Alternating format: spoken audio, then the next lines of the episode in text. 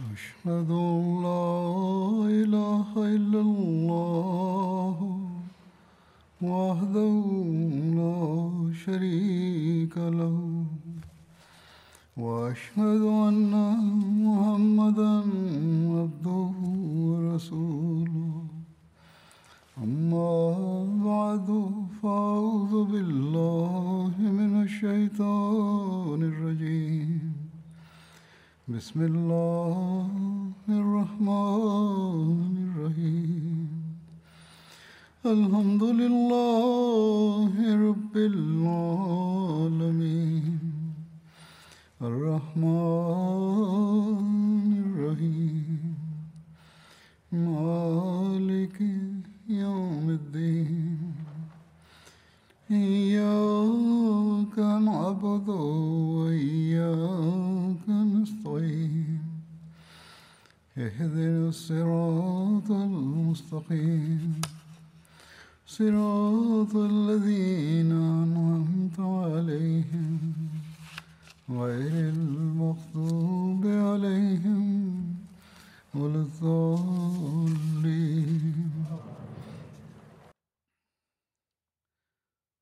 Saat ini sedang dibahas perihal ekspedisi-ekspedisi yang dilakukan pada masa Hadrat Abu Bakar Dalawa Anhu untuk melawan para pemberontak. Dalam rangkaian pembahasan ini tertulis berkenaan dengan ekspedisi yang ke-11 bahwa ekspedisi ini dipimpin oleh Muhajir bin Abu Umayyah untuk melawan para pemberontak di Yaman. Hadrat Abu Bakar Anhu menyerahkan satu bendera kepada Hadrat Muhajir bin Umayyah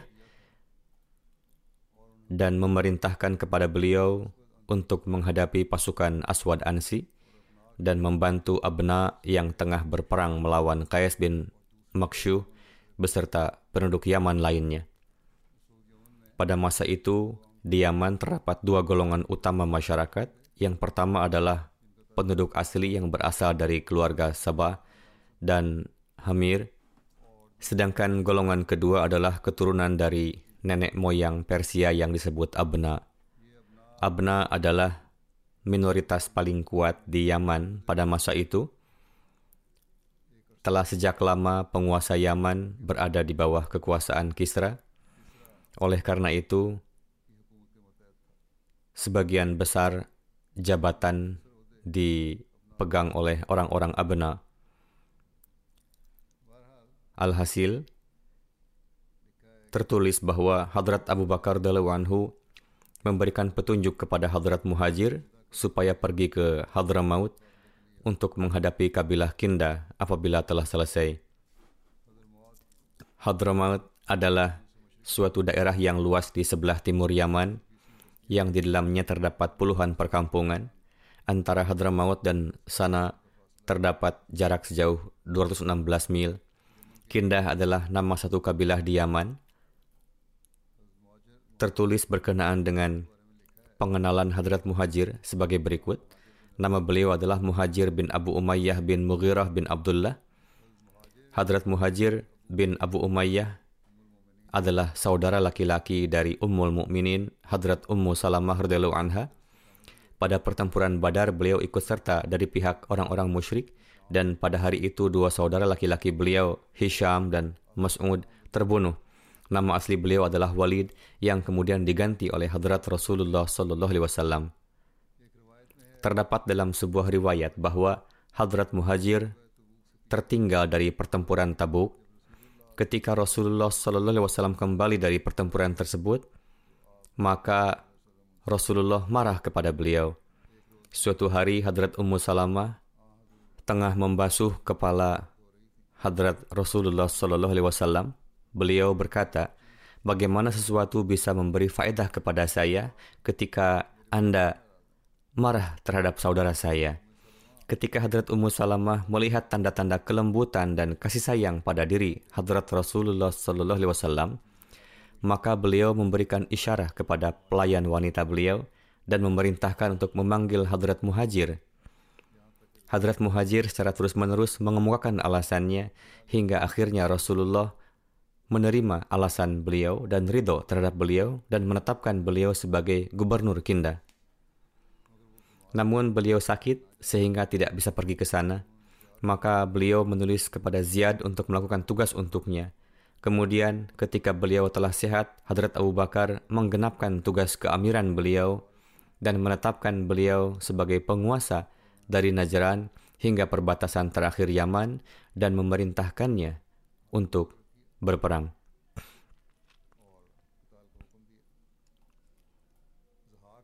Zahak bin Feruz menuturkan, pertama kali kemurtadan terjadi di Yaman di masa Rasulullah SAW yang inisiatornya adalah Zulkhimar, Abhala bin Ka'ab yang populer dengan nama Aswad Ansi. Aswad Ansi adalah pemimpin kabilah Bani Ans di Yaman. Karena berkulit hitam, ia dipanggil Aswad. Selain Abhala, bin Ka'ab, dalam satu riwayat namanya disebut Abhalah bin Ka'ab bin Auf Ansi. Aswad Ansi memiliki julukan Zulkhimar karena ia setiap saat selalu diselubungi kain dan menurut sebagian orang ia memiliki julukan Zulkhumar yang artinya adalah orang yang selalu dalam keadaan mabuk. Dalam beberapa riwayat julukannya disebut Zulhimar dan penyebabnya dijelaskan bahwa Aswad memiliki seekor keledai yang terlatih. Ketika keledai itu diperintahkan untuk tunduk di hadapan tuannya, ia akan tunduk. Ketika diperintahkan untuk berdiri, akan berdiri. Begitupun jika diperintahkan untuk duduk, akan duduk. Menurut sebagian orang, ia disebut Zulhimar karena konon ia mengatakan sosok yang tampak kepadaku ia sedang menunggangi keledai.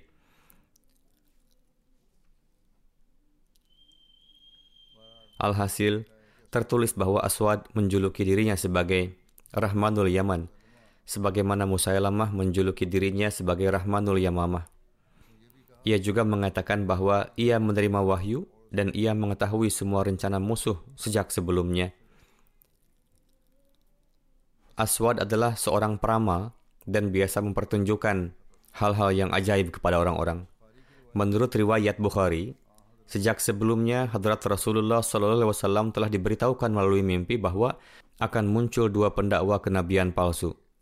Hadrat Abu Hurairah meriwayatkan hadis berikut yang berbunyi, Qala Rasulullah SAW,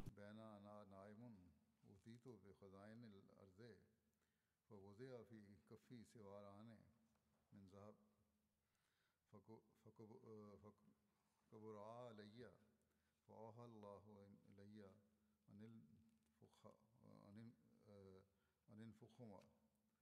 فنفختهما فذهبا فأولتهما الكذابين كذابين الذين أنا بينهما.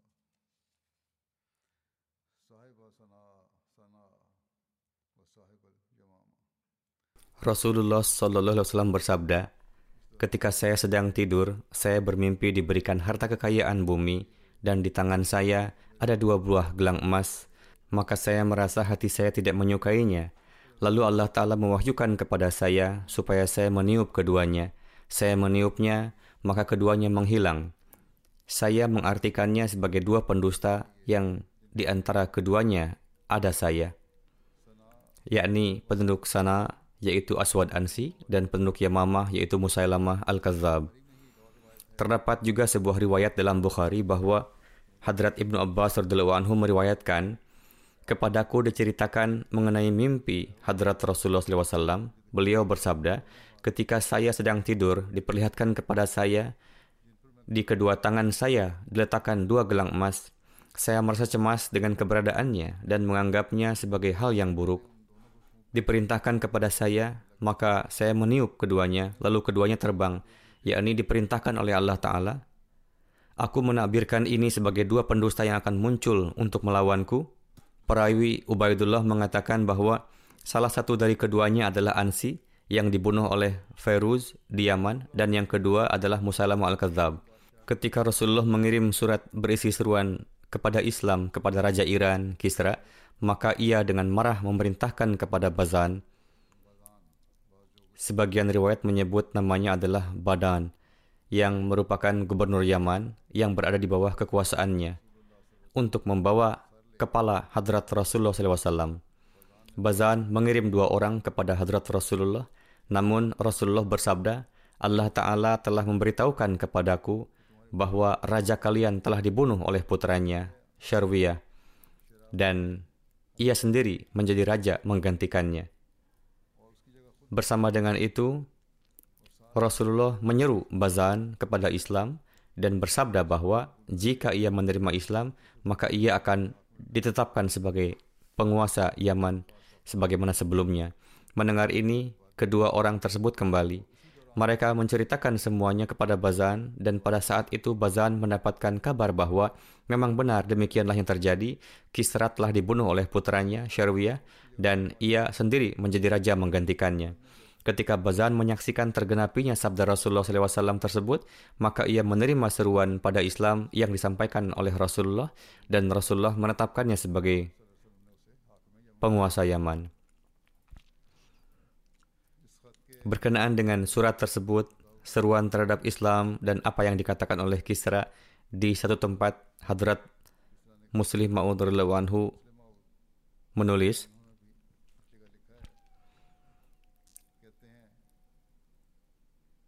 Beliau bersabda, Abdullah bin Hudhafa menuturkan bahwa Ketika saya sampai ke istana Kisra, saya memohon izin untuk masuk.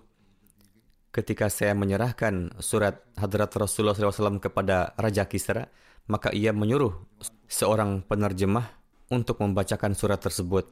Ketika penerjemah membacakan terjemahannya, Kisra dengan marah merobek surat tersebut.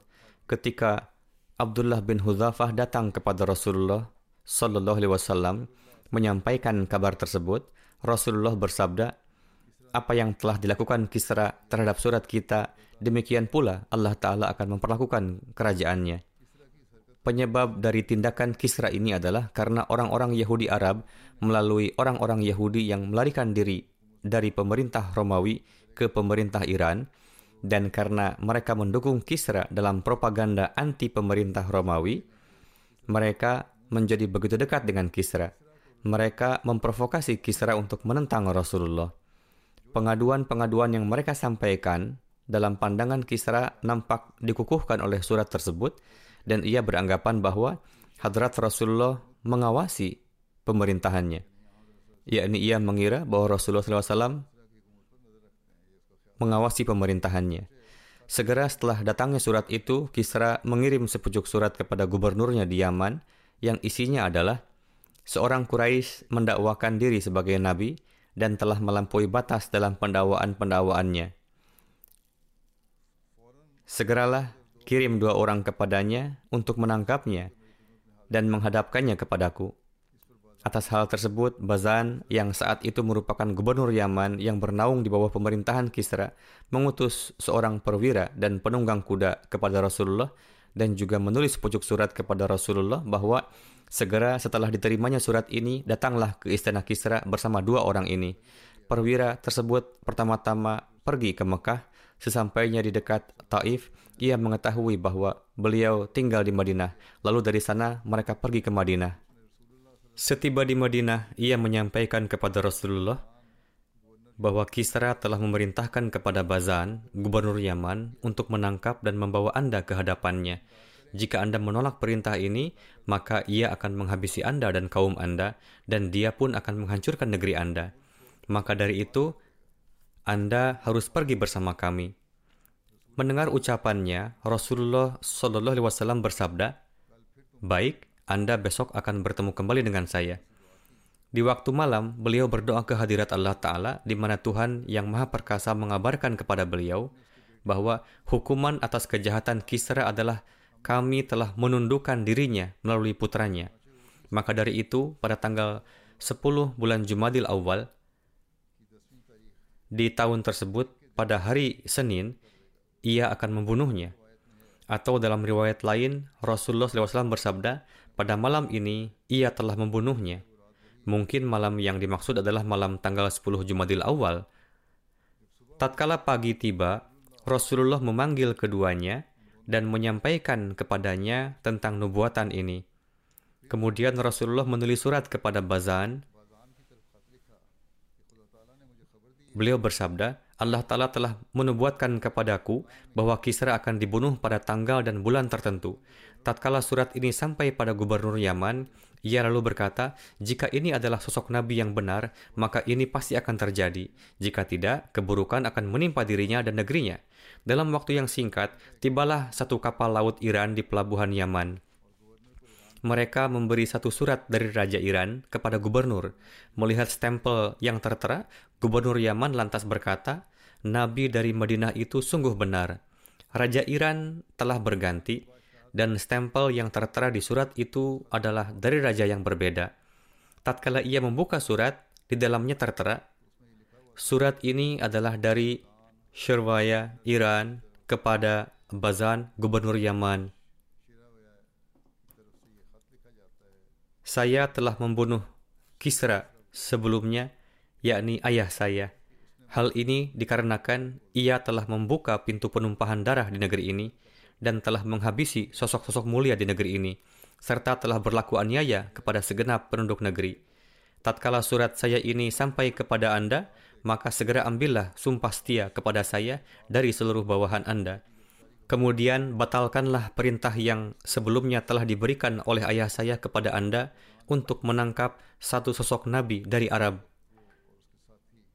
Membaca surat ini, Bazan pun menjadi sangat terpengaruh. Hingga temannya pun saat itu juga menerima Islam dan ia menyampaikan keislamannya kepada Rasulullah Sallallahu Alaihi Wasallam.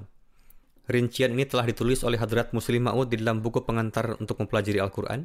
Tatkala Bazan wafat, maka setelahnya Rasulullah mengangkat para petinggi beliau sebagai amir di berbagai wilayah di Yaman. Saat itu Muaz bin Jabal merupakan muallim atau pendidik bagi segenap daerah di Yaman dan Hadramaut. Karena itu beliau kerap melakukan perjalanan di segenap tempat itu.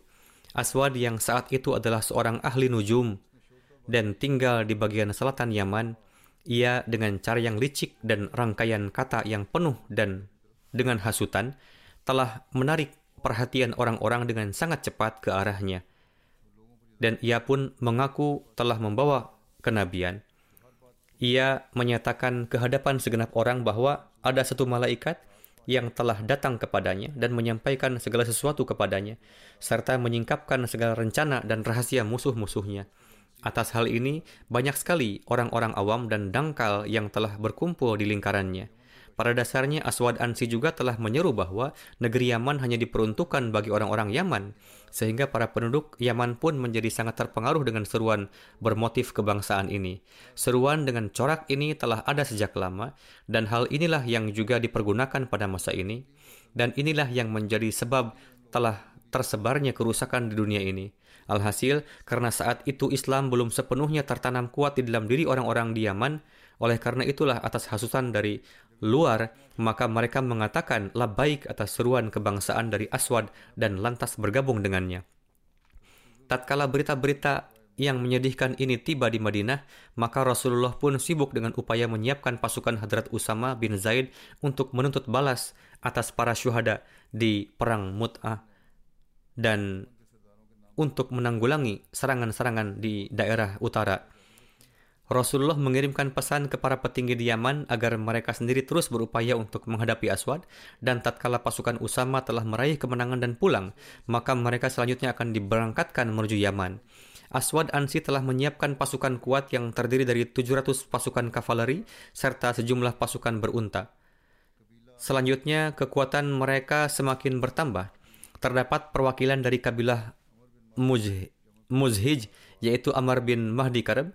Amar bin Mahdi Karab adalah sosok kesatria berkuda yang masyhur dan seorang penyair dan orator.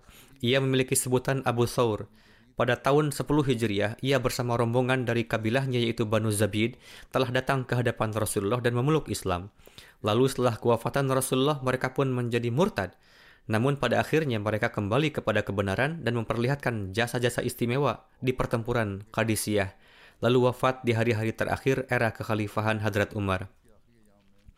Alhasil, tertera bahwa pertama-tama Aswad Ansi menyerang penduduk Najran dan mengusir Hadrat Ammar bin Hazam dan Khalid bin Sa'id dari sana. Setelah itu mereka bergerak menuju Sana'a. Di sana Hadrat Syahar bin Bazan menghadapi mereka, akan tetapi beliau disyahidkan. Di hari-hari tersebut, Hadrat Mu'adz bin Jabal tengah berada di sana. Namun karena melihat keadaan yang tengah terjadi, beliau pergi menuju Hadrat Abu Musa di Ma'arib, lalu mereka berdua pergi menuju Hadramaut. Dengan demikian, Aswad Ansi pun menguasai segenap wilayah di Yaman. Setelah kesyahidan Hadrat Syahar bin Bazan, Aswad Ansi pun secara paksa menikahi istri beliau yang bernama Merzubanah atau yang menurut beberapa kitab rujukan lain adalah Azad.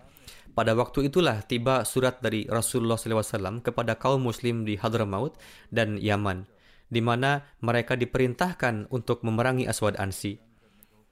Maka dari itu, demi maksud ini Hadrat Mu'adz bin Jabal pun berdiri, dan dengan perantaraan ini maka kalbu umat muslim pun menjadi kuat. Jisnas Dailami menyatakan bahwa Wabar bin Yohanes membawa surat dari Rasulullah untuk kami.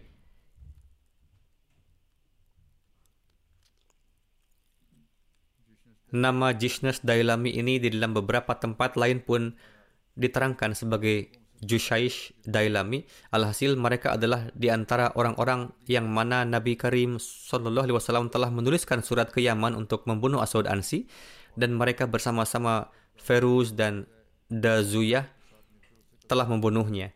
Nama Wabar bin Yohanes pun disebut dengan Wabrah bin Yohanes. Ia termasuk dalam keturunan Yaman. Pada tahun 10 Hijriah, ia datang ke hadapan Rasulullah dan memeluk Islam. Ia menjelaskan, di surat itu Rasulullah telah memerintahkan kepada kami agar tetap teguh pada agama kami dan menyiapkan upaya bersenjata melalui taktik dan pertempuran untuk melawan Aswad Ansi. Kami juga harus menyampaikan pesan Rasulullah ini kepada mereka yang tetap teguh dalam keislaman dan condong untuk melindungi Islam. Kami telah mengamalkannya, namun kami melihat bahwa meraih keberhasilan dalam melawan Aswad ini sangatlah sulit. Jisnas Dailami menuturkan, kami mengetahui satu hal bahwa telah lahir suatu kebencian antara Aswad dan Qais bin Abi yaitu telah ada keretakan di antara mereka. Maka dari itu kami berfikir bahwa sekurang-kurangnya telah lahir kebencian di antara mereka. Oleh karena itu kami berfikir bahwa Qais telah merasa jiwanya ada dalam bahaya. Terdapat perselisihan antara nama Qais bin Abi Yaghuth dan nasab ini. Menurut satu riwayat, ia bernama Hubairah bin Abdi Yaguth. Tertera juga bahwa ia bernama Abdi Yaguth bin Hubairah. Meski demikian, Abu Musa menuturkan bahwa ia bernama Qais bin Abdi Yaguth bin Makshuh. Menurut satu riwayat, beliau bukanlah sahabat, tetapi dalam riwayat lain beliau telah bertemu dengan Nabi Karim Sallallahu Alaihi Wasallam dan mendapat karunia untuk meriwayatkan dari wujud Rasulullah SAW. Sosok ini termasuk di antara mereka yang membunuh Aswad Ansi dan adalah kemenakan dari Amr bin Mahdi Karab. Ia termasuk di antara orang-orang yang murtad di Yaman, tetapi pada akhirnya kembali memeluk Islam dan nama mereka sangat berjasa di penaklukan Irak dan pertempuran Qadisiyah. Sosok ini ikut serta di perang Nahawan dan ikut di perang Siffin bersama Hadrat Ali dan mati syahid. Jishnes Dailami menuturkan kami menyuruh Qais memeluk Islam dan menyampaikan pesan Rasulullah kepadanya di mana ia merasa seolah kami adalah turun dari langit sehingga ia pun segera menerima seruan kami. Dan dengan cara inilah kami pun berkorespondensi dengan orang-orang lainnya. Saat itu petinggi-petinggi berbagai kabilah pun telah siap untuk menghadapi Aswad. Mereka melalui surat telah menjanjikan bantuan kepada kami sebagai jawaban kami menulis bahwa hendaknya mereka tidak bergerak dari tempat mereka selama kami belum memberi keputusan akhir sebagai jawaban. Karena dengan diterimanya pesan Rasulullah, maka adalah keharusan agar mengupayakan perlawanan menghadapi Aswad. Demikian jugalah Rasulullah telah menulis kepada segenap penduduk Najran terkait perkara Aswad ini. Mereka menerima seruan beliau, Sallallahu Alaihi Wasallam, Tatkala berita ini sampai pada Aswad, ia pun mulai melihat gambaran kehancurannya. Jisnas Dailami menuturkan, saya memikirkan satu cara. Saya pergi menemui Azad, istri Aswad yang sebelumnya adalah janda dari Syahar bin Bazan, di mana Aswad menikahinya setelah membunuh Syahar bin Bazan. Saya mengingatkannya tentang kesyahidan yang telah menimpa suaminya terdahulu, yaitu Hadrat Syahar bin Bazan. Kehancuran para sahabat suaminya dan kehinaan serta penganiayaan yang dialami oleh keluarganya dan meminta bantuannya untuk melawan Aswad. Ia pun bersedia dengan sangat gembira dan ia berkata, "Demi Tuhan, saya sang saya menganggap Aswad adalah yang terburuk di antara segenap makhluk Allah." Ia sama sekali tidak menghargai hak-hak Allah mana pun dan ia sedikit pun tidak menjauhi hal-hal yang telah diharamkan Allah Ta'ala. Jadi, jika ini sudah menjadi keinginan Anda, maka sampaikan kepada saya, saya akan mengupayakannya. Pada akhirnya, melalui suatu rencana yang matang dan dengan dukungan dari istri Aswad Ansi ini, pada suatu malam Aswad Ansi dibunuh saat memasuki kediamannya.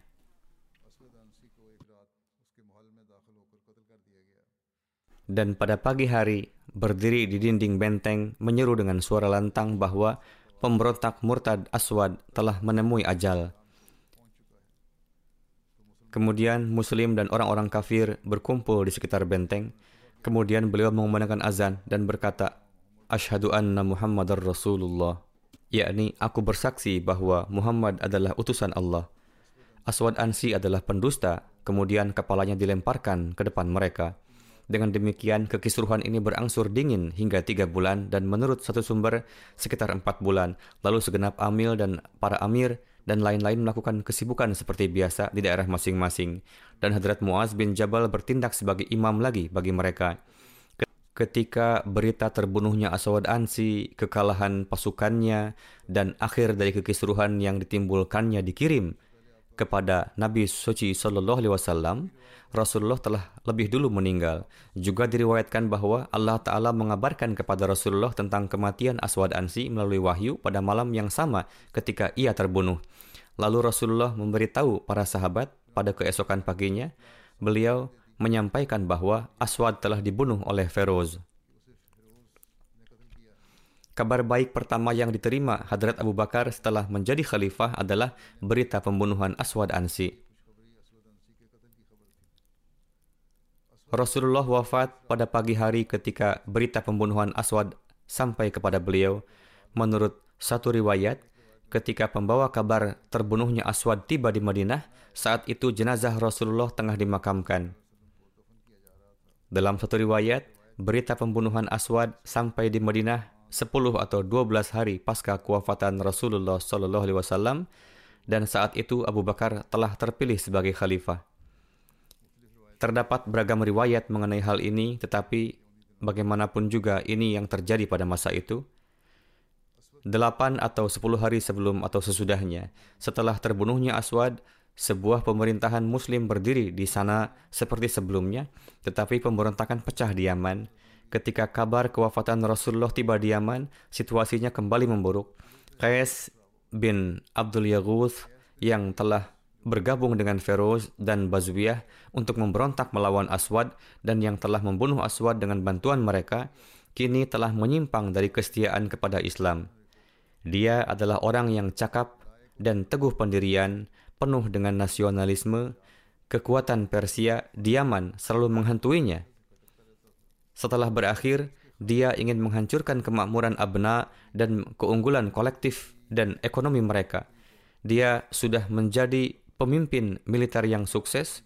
Dia bersekongkol dengan para pemimpin militer Aswad dan berencana untuk mengusir Abna dari negara itu. Dia merusak hubungan dengan Feroz dan Bazawiyah Bazawiyah dibunuh dengan cara ditipu. Feroz selamat dari pembunuhan itu. Feroz memberitahu Hadrat Abu Bakar tentang kesetiaannya dan kesetiaan Abna dan meminta Hadrat Abu Bakar untuk membantunya.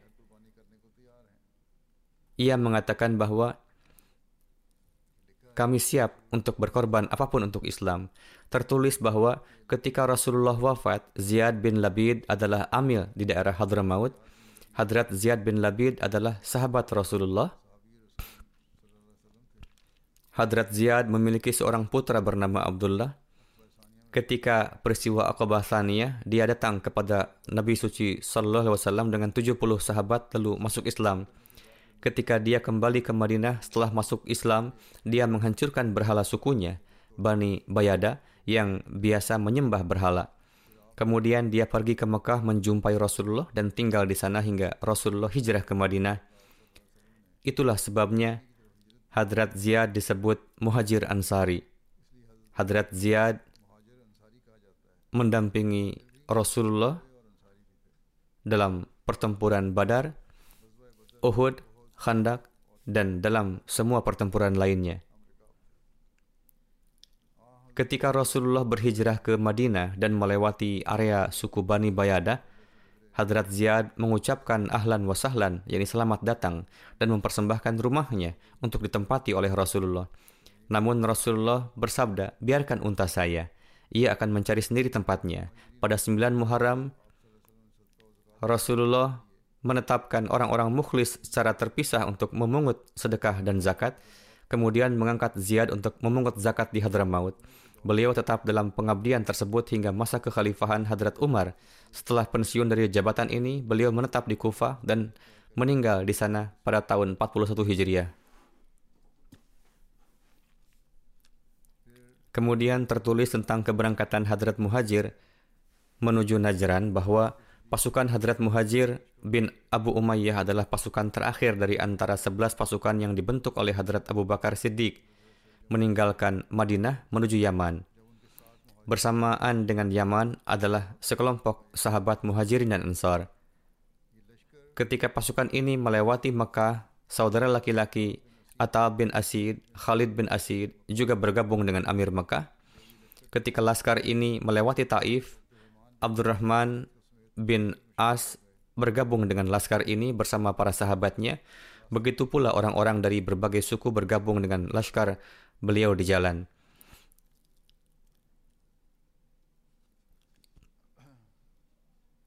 Sehingga laskarnya terus bertambah. Tertulis tentang penangkapan Amr bin Mehdi Karab dan Qais bin Makshu sebagaimana disebutkan sebelumnya bahwa Amr bin Mahdi Karab memberontak melawan pemerintahan Islam dengan dalih keberanian dan ketangguhannya dan Qais bin Abd Yaghuth pun diajak bergabung. Keduanya biasa pergi ke setiap suku dan menghasut mereka untuk memberontak melawan Muslim.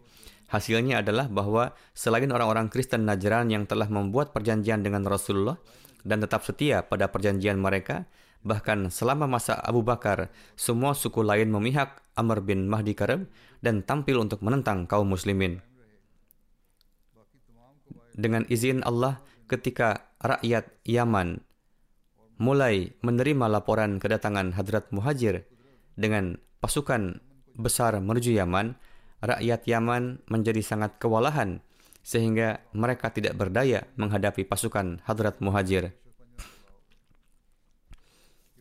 Orang-orang ini masih dalam keadaan sedemikian rupa, lalu pemimpin mereka Qais dan Amr bin Mahdi terlibat sengketa sehingga meskipun mereka berjanji untuk melawan Hadrat Muhajir, namun mereka berdua terlibat dalam upaya untuk saling menyakiti. Akhirnya,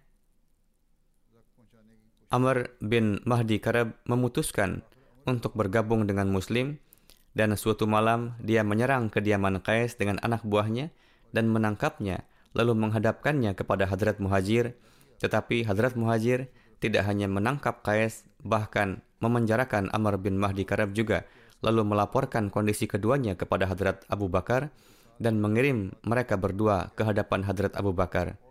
Qais dan Amr bin Mahdi dibawa ke hadapan Hadrat Abu Bakar. Hadrat Abu Bakar berkata kepada Qais, Apakah kamu telah menindas dan membunuh hamba-hamba Allah? Dan apakah kamu telah mengambil orang-orang musyrik dan pemberontak murtad sebagai teman daripada orang-orang beriman? Seandainya dia dinyatakan bersalah, Abu Bakar akan berniat membunuhnya. Qais dengan tegas menyangkal konspirasi dan keterlibatan dalam pembunuhan Bazawiyah dan itu adalah tindakan yang dilakukan secara rahasia dan tidak ada bukti jelas yang memberatkan Qais akan hal itu sehingga membuat beliau enggan untuk membunuh. Hadrat Abu Bakar berkata kepada Amr bin Mahdi Karab, Kemudian tiba giliran yang lain, bahwa Anda tidak merasa malu, yakni setiap hari Anda dikalahkan, atau lingkaran di sekitar Anda menjadi sempit. Jika Anda mendukung agama ini, maka Allah akan menganugerahkan kepada Anda derajat yang tinggi. Kemudian Rasulullah membebaskannya dan menyerahkan keduanya, yakni Amr dan Qais, kepada sukunya. Amru berkata, tentu saja.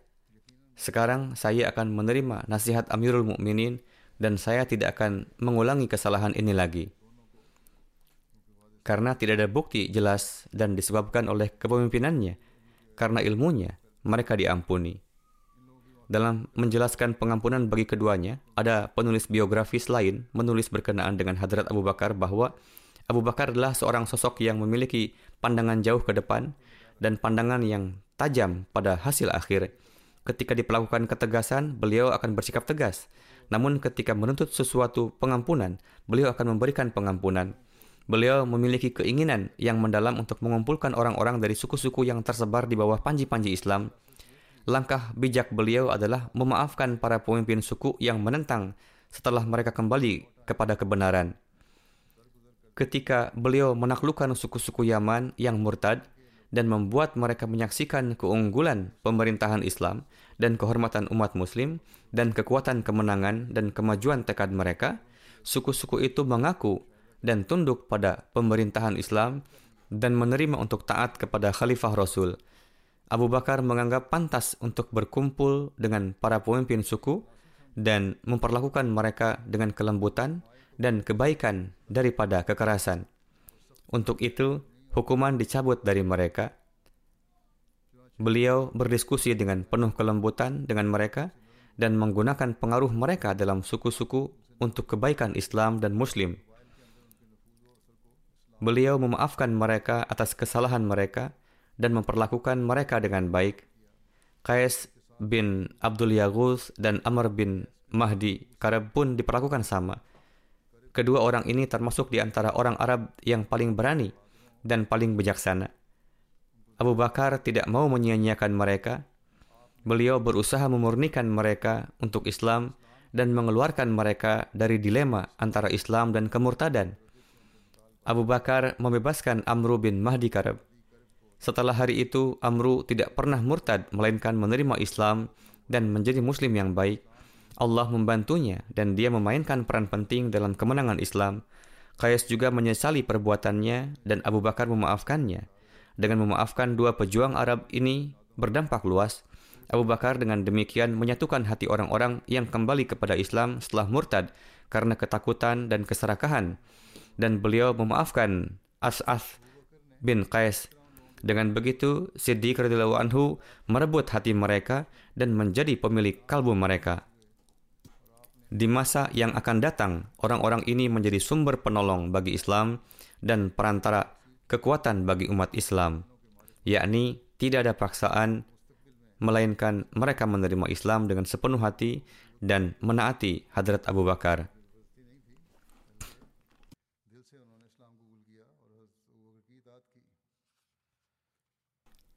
Hadrat Muhajir meninggalkan Najran menuju daerah Lahjia dan ketika pasukan berkuda mengepung kelompok mereka, mereka meminta keamanan tetapi Muhajir menolak untuk memberi mereka jaminan keamanan. Atas hal itu, mereka terbagi menjadi dua kelompok. Salah satunya di antaranya menghadapi Hadrat Muhajir di daerah Ajib. Ajib merupakan satu tempat diaman Pasukan berkuda Hadrat Muhajir yang lainnya di bawah kepemimpinan Hadrat Abdullah menghadapi mereka dalam perjanjian ke Akhabs dan musuh yang melarikan diri tewas di setiap jalan. Ketika Bani Ak memberontak di wilayah Alab, Yaman, mereka disebut Akhabis dan jalan di mana orang-orang jahat dan busuk ini berperang kemudian dinamai Tarikul Akhabis. Tertulis tentang kedatangan Hadrat Muhajir di sana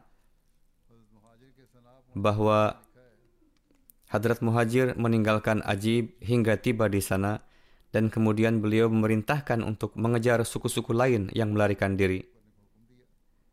Kaum muslim membunuhi mereka dan tidak memaafkan pemberontak mana pun. Selain pemberontak, bagi mereka yang bertaubat, taubat mereka diterima. Mereka yang berperang dan penindas tidak diampuni.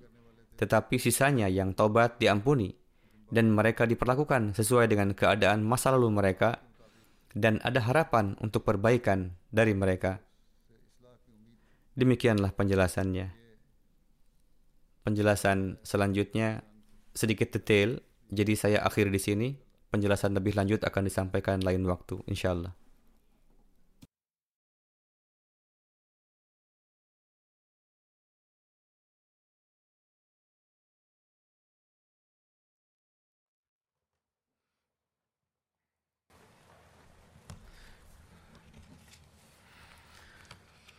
الحمد لله الحمد لله نحمده ونستعينه ونستغفره ونؤمن به ونتوكل عليه. ونعوذ بالله من شرور أنفسنا ومن سيئات أعمالنا. من يهده الله فلا مضل له ومن يضلل فلا هادي له. ونشهد أن لا إله إلا الله.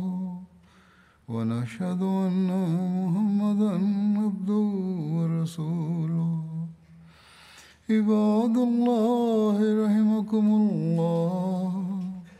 إن الله يأمر بالعدل واللسان وإيتاء ذي القربى وينهى عن الفحشاء والمنكر والبغي يعظكم لعلكم تذكرون. اذكروا الله يذكركم وادعوه يستجب لكم ولذكر الله أكبر.